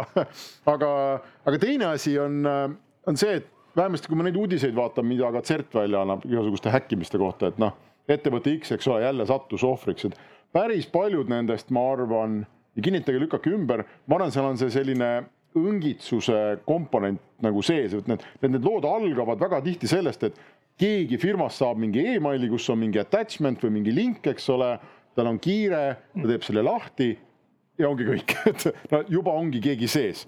Ehm, minul on küll selline käibeteooria, et õngitsuse ohvriks ei ole võimalik mitte langeda. kui, kui nad tahavad, nad tõsiselt nagu järjekindlalt proovivad Nad õngitsevad ära sind ja sind ja mind ja meid kõiki. see on liiga must või, või ei ole? ei, ma arvan, et see ei ole must. küsimus on selles, kui väga teine pool tahab. ja, ja, ja sest noh, varem või hiljem me oleme inimesed, me kuskil eksime, eks ole ja ega siis muidu äh, tänapäeva parim praktika ei ole see, et, et, et äh, sa mitte ei kaitse enda kontot üksnes kasutajatunnuse ja parooliga, vaid öeldakse, et noh, et, et on vaja mitmefaktorilist autentimist, et noh, et, et kui sa selle kasutajatunnuse ja parooli tõepoolest hommikul unise peaga sisestad, sest kohvi on veel joomata, siis, siis noh see on läinud, eks ole, aga, aga noh, kontole sisse veel ei saa, eks ole, ja, ja siis on nagu võimalus jällegi infoturbel näha, et keegi ilmselgelt hakkab nagu seda lukku lõgistama, noh, parooli muudatus ja, ja me oleme taaskord selle eelses seisundis. jällegi sealt tuleb see inimene ja siis nagu need protsessid mängu, et, et, et kui sa oled nagu väike ettevõtja, see on sinu ettevõte, et kui keegi nagu siis äh, saabki sinu identiteedi et kas sinu identiteediga saab ühe kandega kogu su konto nagu tühjaks kanda või, või äkki sul on seal ka näiteks mingisugused piirangud ja limiidid ja kontroll? aga emaili inbox'i saab ikka, eks ole, kui sa pead mingeid läbirääkimisi kellegagi sealt äh, asju edasi-tagasi liigutada. noh, lõpuks ikka saad. Silvia, mis sa arvad, kas, kas meil on võimalik sind ära õngitseda, kui me väga-väga tahame? raudselt, sest äh, ma ütleks, vaata miks ma enne rääkisin inimfaktorist et äh, ma arvan, äh, meil igalühel on tegelikult see moment, kus sa oled kas väsinud, sul on kiire, äh, sa teed mingisugused veebilehed lahti, tahad kähku midagi vaadata, tegelikult vaatad, et avasid hoopis kuskilt sealt Google'i tulemustest selle esimese vaste, mis on tegelikult hoopis reklaam, on ju. et ma ütleks, me igaüks oleme inimene ja tegelikult päris keeruline mitte häkitud üks hetk saada, teine asi on see, et kas sa sellest ka nagu ise teada saad, on ju. kas selle õngitsemise vastu saab ka mingit nagu turvatestimist teha või on see mõttetu, et saadame no, sulle ma ei tea, kas sa saad inimesi niimoodi. järjest ühe teed ikka lahti või ei tee või? ma ei tea, kas sa saad päris äh, inimesi niimoodi testida, et sa saad nendele üks hetk nagu sajaprotsendiliselt lootma jääda, et ei tee seda lahti. et äh, noh, miks seda kutsuda õngitsemiseks, et meil on nagu meri on suur ja lai on ju, et küll ükskord näkkab et äh, ma ütleks äh, sada protsenti vähemalt üks äh, klikk tuleb seal kohe kindlasti. mida me oleme ise vähemalt riigisektori pool hakanud järjest enam tegema, on see, et, et, et noh, tavapäraselt seda õngitsemist nagu tehakse mingisuguse harjutuse raames asutuses. et noh, et, et, et turvateadlikkust parandada. no ütleme korra aastas teed, väga hea aga inimestel on see halb omadus, et, et, et need asjad, mis parasjagu ees ei ole, noh kipuvad ununema. ehk et, et me teeme seda püsivalt, sellepärast et need õngitsusmeilid mis siis nüüd paharetid saadavad, tulevad ju püsivalt. iga hetk võib saabuda võltsõngitsus. kellelegi äh, organisatsioonist, täpselt. ja see ei pruugi üldsegi email olla, vaata, et äh, uudistes räägitakse tihtipeale, et kes sai siin telefonikõnesid, kes sai SMS-e, et see ei pea sulle emaili peale tulema ja see ei pea olema selline, ütleme sellises stiilis email, kus keegi kirjutab, et äh, ma ei tea, mul on mingisugused su salajased andmed, et anna mulle nüüd raha, onju. et see võib olla ka näiteks tuleb sul raamatupidamisfirmale mingisuguse PDF formaadis arve, et maksa ära, on ju, et maksadki ära. et kõik tundub ju tegelikult korrektne, et sul on mingi teenus, sa pead selle ülekande tegema, aga tegelikult raha läks ju hoopis valesse kohta, et äh, neid stsenaariume on lõputult ja ma just kuulsin siin inimesed, kes sai arve ja ta õnneks vist ajas küll ise sassi, aga Äh, pani äh, summa asemel kleepis viitenumbri ja kandis üle viitenumber oli väga palju pikem kui, kui summa. et noh, igasuguseid lõbusaid asju saab välja mõelda, eks no, ole. kui õnnestus nii palju kanda, siis ilmselt ei olnud väga suur damage, et jäi teist sama palju järgi. oleks võinud ka pikema viitenumbri panna teinekord jah. Äh, meil on olnud pealtvaatajate küsimus, kas sa oled täiesti kindel, et sind pole kunagi ära häkitud?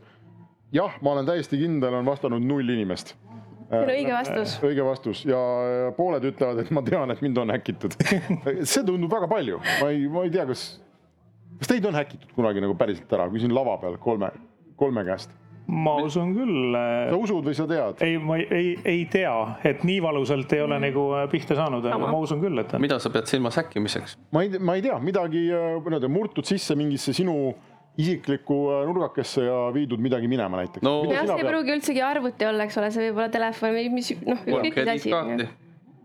ühte ma arvan, et, et, et kus tehti koopia kahest, mul pole õrna aimugi. -hmm. ja see on ka tegelikult juba häkk. tegelikult mm -hmm. see, see ei peaks olema kellegi teise valduses olev info. ja, okei okay. Ähm,. nii, ma võin minna siit küsimuste juurde, aga hea meel oleks näha, kui siin on mõni käsi Neid võib ka mitu olla. mitu kätt olla ähm,. aa, keegi vaataja on öelnud, et mul kukkusid päiksekad põrandale, et ma peale ei astu. aitäh, aitäh küsimuse eest, väga hea küsimus ähm,. nii, kuni te mõtlete, ma loen siis äh, siit ette küsimusi. kas kodulehe omanikule tasub üldse teada anda turvaaugust või pahatahtlikust äh, sisust? tavaliselt nad ei saa midagi aru ja ähm, efektiivsem on ajakulu mõttes CERT-i teavitada ja nad ise võtavad ühendust meie kindlasti sellise teavituse viime nii kodulehe omanikule kui ka majutusteenuse pakkujale. Forward ite selle kirja. ja kui, ei, me ei forward'i seda kirja, et, et, et selles mõttes see, mis on meiega jagatud, eh, selles noh, point ei ole seda teavitajat eh, siis nagu noh teha kättesaadavaks teavitatavale, vaid et, et, et ikkagi see sõnum viia. ja kui see on väga kriitiline turvanõrkus, siis päris tihti kodulehe majutaja ka ennetava meetmena paneb kinni, ehk et, et sul nagu lehe omanikuna tekib siis nagu kaalutluskoht, et kas sa tahad, et, et, et sa võtad midagi ette või lihtsalt maksad okei okay. ja las, las ollagi kinni, parem on, kui seda kuradi kusjuures seda on päris sageli on, on ette tulnud, et, et, et makstakse päris pikalt, leht on kinni mm, -hmm. aga, aga ikka makstakse, eks ole, et noh, et see näitab sedasama, et noh, et, et protsessid seal taga, mis justkui peaks olema okei okay,, fine, jätame maha, lõpetame lepingu ära, eks ole, pange kinni, need ei toimi mm. -hmm. see on see, millest äh, Taavi hommikuses sessioonis siin Metaversis rääkis, et lähed ühe, ühte Metaversi, teed seal sigaduse, visatakse välja, siis lähed nagu järgmisse, et, et digimaailmas ju tohib et päris maailmas ei tohi niimoodi asju luhakile jätta, aga, aga. ma ei tea, kust ta võttis selle arusaama, ma ei ole päris äh, nõus sellega. ma hea meelega viskan seda, kui keegi tahab. ja kas on, palun tõstke käsi, räägime häkkimisest. kui ei ole, ma võtan siit järgmise küsimuse. Aguri käest saab mikrofoni. Ähm, kas eetiline häkker küsib alati eelnevalt nõusolekut? jah ja.. nii et need Tõnu moodi juhuslikud kondajad ei ole tegelikult väga eetilised Need on välja õpetatud. kusjuures siin on päris huvitav case ka, ma sattusin lugema ühte artiklit, äh, kus seda eetilisuse teemat käsitleti Ameerika kontekstis. et seal äh, varasemalt seaduses ei olnud üldse sihukest asja kirjas, et äh, noh, päris mustvalgelt, et kas sa küsid luba või mitte, on ju, et kui sa ei küsi ja sa lähed ja leiad ja aitad heas usus, saadad selle raporti ära, sa oled ikka süüdi.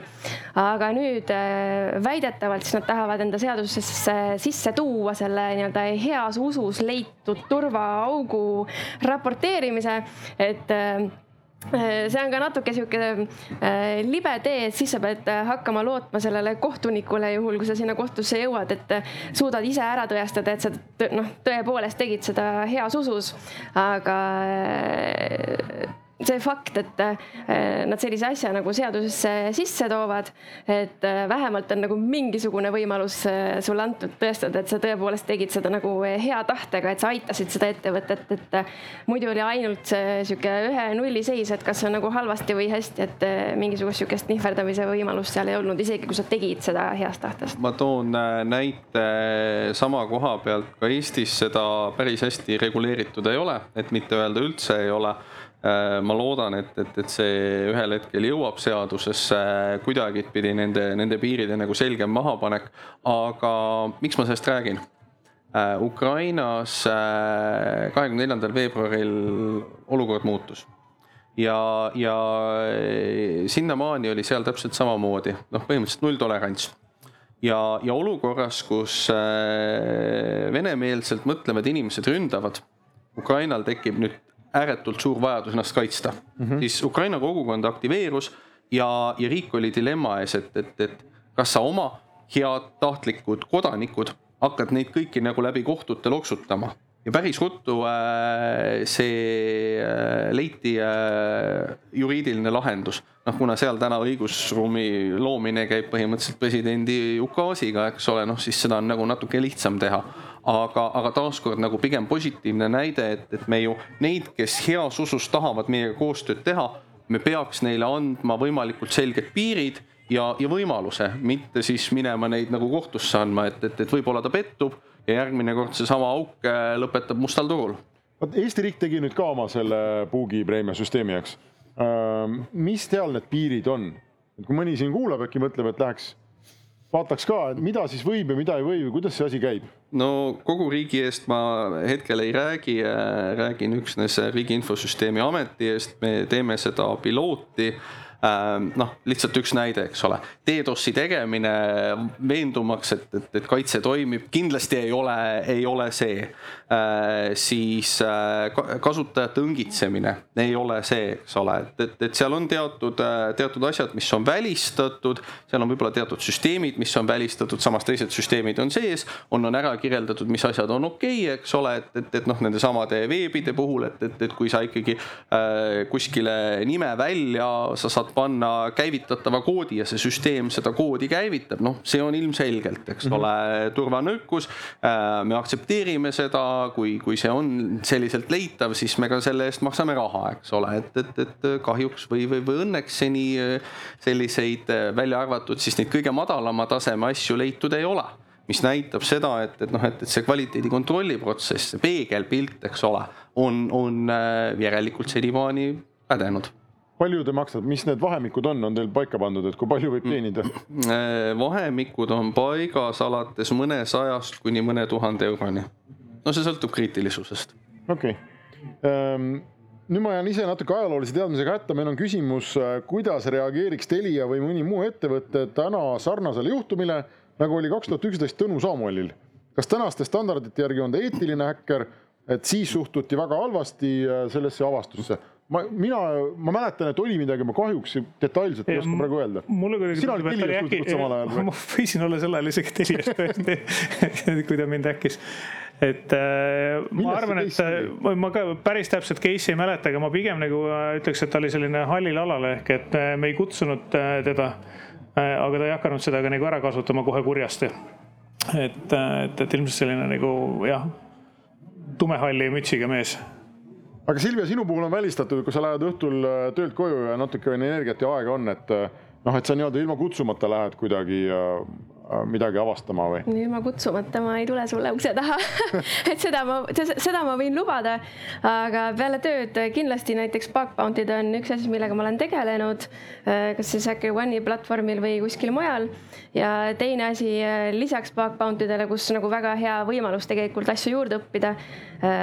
on ka erinevad platvormid, kus on siuksed küberturbealased challenge'id et vaatad, mis sa oskad levelite kaupa, sealt hakkad nagu vaikselt arenema ja siis, kui sa lõpetad Bug Bounty's mingisuguse suure leiuga, siis miks mitte. kas sul on, oled sa saanud mõne sellise tuntud, maailmas tuntud IT-ettevõtte käest, oled sa leidnud midagi? jaa äh,, olen äh, tegelikult äh, ma seda nime siin mainida ei tohi, olen küll, aga minu jaoks on äh, viimasel ajal hoopis palju huvitavam äh, äh, kuidas ma ütlen äh,, mulle väga meeldib äh, ringi vaadata GitHubis, seal on väga palju koodi ja kuna see on kõik nii-öelda avalikult seal kättesaadav, et äh, sa ei pea võtma seda rakendust, äh, mis ma tavaliselt näen, et nagu musta kastina ette.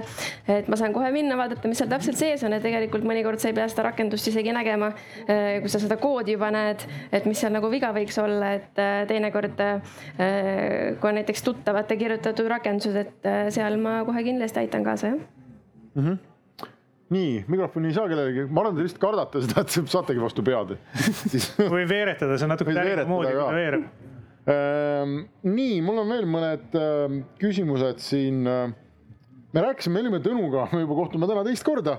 me olime hommikul kell kümme ühes paneelis, kus me arutasime Ukraina seda, et kuidas ja miks on Ukraina internet püsti püsinud ka kogu selle sõja raames ja, ja üks neid teemasid, mis äh, või tahke seal, mis, mis tuli esile, oli see, et mäletate, mingil hetkel panid äh, äh, siis Ukraina ja vist ka lääne häkkerid kuidagi äh, võtsid nagu eesmärgiks siis Venemaad häkkida, eks, et neid Venemaa mingeid telejaamu häkiti ja keegi väitis, et ta mingit Venemaa satelliidisüsteemi häkkis ja, ja see ei jõudnud nagu väga nagu kuhugi. ja siis üks põhjendusi, mis hommikul kõlas, oli see, et aga vot see vist no justkui nagu oli okei okay, mõnes mõttes see selline häkkimine, aga tegelikult ikkagi nagu eriti välismaa asutuste jaoks, kus need inimesed töötasid ja võib-olla ka internetiteenuse pakkujate jaoks, et no ikka jube kahtlane. et noh, et tegelikult nagu ütleme moraalselt või noh, et me saame aru, miks te tahate Venemaad äkkida, kui sa oled ameeriklane või inglane. päris õige teguviis ei ole. kas te oskaksite seda kuidagi klassifitseerida, et kas Venemaa on selline legitiimne sihtmärk, Venemaa satelliidisüsteem nüüd nagu headele häkkeritele, kuhu see piir tõmmata? No see on ikka päris libe tee ja sul luba sihukese tegevuse tegevus, tegemiseks ei ole, et. ei ole luba. Äh, jah, teine võib-olla sihuke küsimus on nagu äh, inimese enda moraalitunnetus on ju et äh, ma arvan, et igal inimesel see moraalitunnetuse piir on äh, kuskil natukene erinevas kohas on ju, et äh, ega muidu meil ei olekski neid siukseid noh, häkkerite puhul must, hall ja valge liigitust on ju. et tegelikult see on ju inimese enda teha, kuhu ta seal klassifitseerub. Eks seal neid värve on ilmselt palju rohkem, et kui sa oled nagu Ukraina IT-inimene Ukrainas ja sa oled nagu äh, teise riigiga sõjas, siis noh, sõda on äh, üle kõige. kui sa oled välismaalane Ukrainas, töötad Ukraina heaks, siis on juba nagu natukene nagu sihuke nii ja naa. sa oled välismaalane, välismaalane välismaalt, äh, siis nagu sinu riik ju ei sõdi tegelikult, et mm. -hmm et, et see on, kui minu meelest see oli Ukraina pool, kes esimesena päris nii avalikult välja tuli, et, et noh, et seda Äh, kuidas äh, erinevaid Venemaa teenuseid DDoS-ida, noh, sa said äh, koodijupi, avad siis oma brauseris, sa saad panna ta kuskile virtukasse või konteinerisse või, või mis nagu veelgi hullem, et ma saadan sulle lingi lähed veebilehele, sealt see koodijupp laetakse, siis su brauser hakkab nagu hästi suurel hulgal äh, rumalaid päringuid tegema, et, et. Need äh, levisid ka Eesti sotsiaalmeedias, inimesed kõik hoidsid need päev läbi lahti. ja, ja, ja noh, siis me ka avalikult äh, teavitasime, et noh, et me ühest küljest mõistame, miks inimesed seda teevad aga teisest küljest juhime ka tähelepanu, et, et see tegelikult täna meie õigusruumiga päris nagu kooskõlas ei ole, et, et, et, et, et on lihtsamaid võimalusi, kuidas ukrainlaseid aidata ja, ja, ja see päris, päris õige ei ole, aga, aga võtame sellesama mõtte kinni. sa klikid, noh, kas sa saad lõpuni aru, mille, mida see kood teeb või, või, või mis minu äh, suurem hirm on see, et, et hää küll, et, et, et noh, see meetod on, on kogu maailmas laiali äh, häkib keegi näiteks osta eesse, paneb selle koodi sinna nii, et, et, et mitte keegi isegi ei pane tähele, et see kood seal on. ja kõik, kes seda lehte külastavad, hakkavad äkitselt. Venemaad häkkima. või kedagi teist ja, ja, ja, ja, ja seda tuvastada, et noh, et päeva lõpuks inim-, sina ju ei ole nagu pahatahtlikult seal, eks ole, see ei paista isegi sulle välja, et, et noh, et, et taaskord need piirid sõltuvad hästi palju kaasusest mm. -hmm. ja teine teema on äh,, hästi palju on ka ikkagi selliseid juhtumeid, kus äh, sul istub kodus mingi teismeline arvuti taga, eks. ja midagi ta teeb seal, noh midagi mängib ja siis mingis foorumis kolab ja siis klikib kuhugi ja siis katsetab midagi ja ja no on ka ikkagi tõesti neid juhtumeid, kus, kus äh, no lõpuks on sul politsei ukse taga ja keegi ei saagi nagu aru, et noh, seal perekonnas kaasa arvatud väike häkker ise, et ta üldse nagu midagi halba tegi.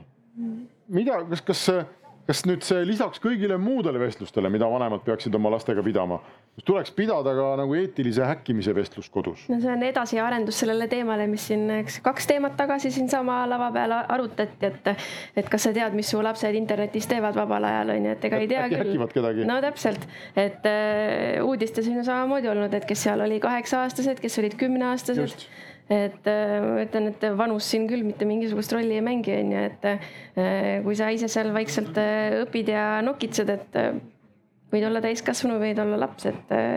seal jah, ma isegi ei tea, ilmselt kool või lasteaed, äkki lasteaias peaks sellest rääkima sest nagu noh, paljud vanemad ei pruugigi nagu äh, üleüldsegi nagu aru või noh, ei teadagi. sa arvad, et juba lasteaia lastele tuleks see? robootikaringid ju lasteaias on. kuskohast mina nagu äh, siukse tavalise keskmise inimesena üldse tean midagi nagu häkkerlusest või mida ma oskan sellest just, rääkida. ütlen lihtsalt lapsele, et ära tee halbu asju. mõtle ise välja, mis need on. mis häkkimist puudutab, siis minu jaoks oli äh, üllatus, äh, mul poiss oli veel viieaastane, siis no kohe sai kuus kui ta oma Androidi seadme suutis panna juhtima nutitelekat ja mõtlesin, et seal on nagu sama kontot vaja, eks, et ma saan aru, et minu oma ta töötab, eks ole, et noh, et kontod on samad, aga seal ei olnud. ja siis ei, no ma saan siit ka panna. kuidas ta seda tegi, ma ei tea siiamaani, ma ei hakanud ka ülemäära uurima, kas see on nüüd häkkimine, eks ole, et noh, et, et, et noh, see tegelikult nendest samadest asjadest mõistlikult tuleks hakata rääkima maast madalast ähm ma peaks nüüd küsima, Silvia, milline sinu tee sinna häkkerluse maailma oli, et kas see algas sellest, et äh, vanemad panid mingi arvutile parental kontrolli peale oli vaja kuidagi mööda saada või? üldse mitte, ma tegelikult täna hommikul just mõtlesin, et issand jumal, et kuidas ma seda räägin nagu, et kuidas ma küberturbesse juhtusin. aga näed, nüüd on neli minutit on aega ikka küsida. ma, ma ei olnud kindlasti äh, see sihuke nelja-viieaastane laps, kes sündis klaviatuur näppude all, et et minu jaoks IT-maailm oli võib-olla see, äh, ma hakkasin selle vastu huvi tundma, kui ma olin umbes sihuke kümnendas klassis, suhteliselt hilja ja, ja äh, küberturbesse ma tegelikult sattusin läbi ülikooli, et ma alguses õppisin arvutisüsteeme ja siis äh, mõtlesin, et miks mitte küberturvet õppima minna. aga äh, ma ütleks, et päriselt ma sinna maailma sattusin, kui ma läksin suveks tööle CERN-i Šveitsis küberturbetiimi ja siis äh, tegelikult see oli esimene koht, kus ma nägin nagu, kuidas see päriselt nagu toimib ja, ja mida kõik need erinevad rollid seal küber, küberturbes nagu tähendavad ja mis mulle siis nagu päriselt endale meeldib. Ja sealt äh, ma sain siuksed head kontaktid, kus ma lõpetasin grupis nimega Black Hoodie ja see on äh, sihuke äh, naiste grupp, kus kõik naised tegelevad äh, reverse engineering uga, see on siis äh, põhimõtteliselt vaatad äh, rakenduse sisse, ilma et sul oleks selle rakenduse lähtekoodi. Ja vaatad, mis see siis teeb ja siis ma õppisin sealt ära öö, shell koodi kirjutamise koos nende samade naistega ja aasta hiljem ma läksin neid juba õpetama. ja äh, kui ma olin äh, Eestisse tagasi tulnud, siis äh, Soomes on selline tore konverents nagu Disobey. see on niisugune suur küberturbe community üritus ja no mis Hea sa ka, ja, jah. eks ole. ja mis sa Soomes ikka muud teed, et äh, lähed sauna, et tegelikult ma leidsin oma töökaaslased saunast ja niimoodi ma Clarified Security'sse tööle sattusin. okei okay,, nii et äh, seda, et kas sul oli nagu, paljud räägivad, vaata, et juba, juba lapsepõlves kõik mänguasjad, mis ma sain mm., ma kruvisin lahti, et näha, kuidas töötab ja mis seal sees on, et seda ei olnud sul ei, pigem mitte, see loo moraal, et tahad häkkeriks saada, mine sauna. täpselt. just, vähemasti Soomes kas sellist asja saab õppida kusagil? kas No mõni ülikoolis ikka, kindlasti jah. mõni ülikool on teinud mm, -hmm. ma ei tea, eetilise häkkimise kursuse või? No terve õppekava on näiteks, kui sa kombineerid siin äh, TalTechi ja Tartu Ülikooli, kui sa tahad Eestis õppida, onju. aga ütleme nii, selleks, et äh, häkkerina tööd saada, sa ei pea ilmtingimata minema ülikooli. et äh, noh, ülikooliharidus on üks asi, aga praktilised oskused on ikkagi nagu täiesti totaalselt teine asi, et äh, ülikoolis sulle näidatakse ette, kuidas miski käib, aga kui sa seda nagu ise ei oska või ei taha kasutusele võtta, et ega sul seal töökohal ka väga midagi nagu teha ei ole. Et äh, sellepärast tegelikult äh, minu arust siuksed äh, küberturbe challenge'id, mis sa võid nagu internetist leida või CTF-id või bug bounty'd, et see on tegelikult sihuke, ütleme nii, see on kõige parem haridus, mida sa võid enda jaoks üldse nagu saada, et kui sa seal saad hakkama, et tegelikult sa oskad oma tööd juba teha, et sa leidsid midagi. Ja see on üks asi, mida jällegi me oleme kasutanud üsna usinasti, et et sa ei saa ainult kaitsta, sa pead oskama nagu rünnata, et, et, et kui me mingisuguseid põhimõttelisemaid muudatusi teeme oma süsteemis, et siis, siis osad meist rivistuvad nagu äh, red tiimiks. ja proovivad siis äh, ära lõhkuda selle, mille, mille teised insenerid ehitanud on. ja, ja siis omakorda on ka siis see kaitsev meeskond, kes siis proovib nendele nagu vastu töötada, ehk et, et selline pidev nagu praktika, teooria on jah tore asi, aga, aga seda praktikat tuleb kogu aeg peale valada, sest tehnikad muutuvad IT alla on hea, aga hea häkker on see, kes, sul on vaja kogemust, sellepärast et üldiselt inimesed teevad mõneti need vead korduvad mm. ja, ja sul tekib nagu pagas, et, et, et mida, mis, mida oleks mõistlik proovida, kust ilmselt ei noh, ei ole mõtet seda ust kraapima tulla. ja nagu Silvia ütles, et vaatab koodile peale, et juba hakkab enam-vähem aru saama, et. see on hästi huvitav, et vaata nagu inimesel on käekiri, et tegelikult koodis on ka päris palju sihukest käekirja, et äh, mõne sihukese projekti puhul on küll, et vaatad koodile otsa ja siis ma võin öelda, ahaa, ma tean, kes selle nagu kirjutas, et äh, äh, jah see on niisugune korduv ja korduv tegevus, et see ei ole kindlasti sihuke äh, asi, mida inimesed telekas näevad, et ma istun kuskil, ma lähen tööle, et ma panen endale musta kabuutsiga siukse pusa tehnomuusika mängib, kõlarid on põhjas. Pi- pigem ma olen see, kes seal kontoris istub võib-olla sussid jalas ja tekk peal ja siis kuulan oma muusikat seal vaikselt, et et see on niisugune töö, mis nõuab hästi palju püsivust ja, ja ei ole seda momenti, kus sa äh, saaksid nüüd öelda, et ma nüüd istun siin, et mul ei ole mitte midagi juurde õppida, et pigem on alati vastupidi, et kõik liigub nagu tohutu kiirusega eest ära jah, ja mis nagu võib-olla koht ka, kuskohast neid turvanõrkusi nagu tekib, on see, et äh, ega me tegelikult ju väga ei koolita inimesi nagu selles äh, digitaalses maailmas, et me nagu arutame, et milline peaks olema see teine kohustuslik äh, võõrkeel ja, ja millised siis võiksid olla kolmas ja neljas ja kui palju neid võiks olla, et noh, ma ei tea. Python võiks olla esimene nagu võõrkeel, mis antakse, inglise keel nagu teine. ja siis veel mingisugused asjad võib-olla. et äh, see plaan oli juba Nõukogude Liidu juhtidel kaheksakümnendate keskel, et iga Nõukogude inimene peab õppima progema. sest ilma selleta mitte tulevikus mitte midagi teha ei saa. just, aga õnneks me oleme järjekindlad oma plaanides jah, et Hoiame kunagi me õpime kõik äh, programmeerima ja teeme veel turvaauke juurde. sest aga okei okay., mulle tundub, et meil on aeg see vestlus siin kokku tõmmata. aitäh äh, panelistidele ja aitäh publikule siin, kes äh, olid kohal ja pidasid meiega vastu ja äh, telekate taga ja arvutite taga ja kus te kõik olite. me tõmbame siit otsad kokku ja loodetavasti kohtume järgmisel aastal. aitäh. aitäh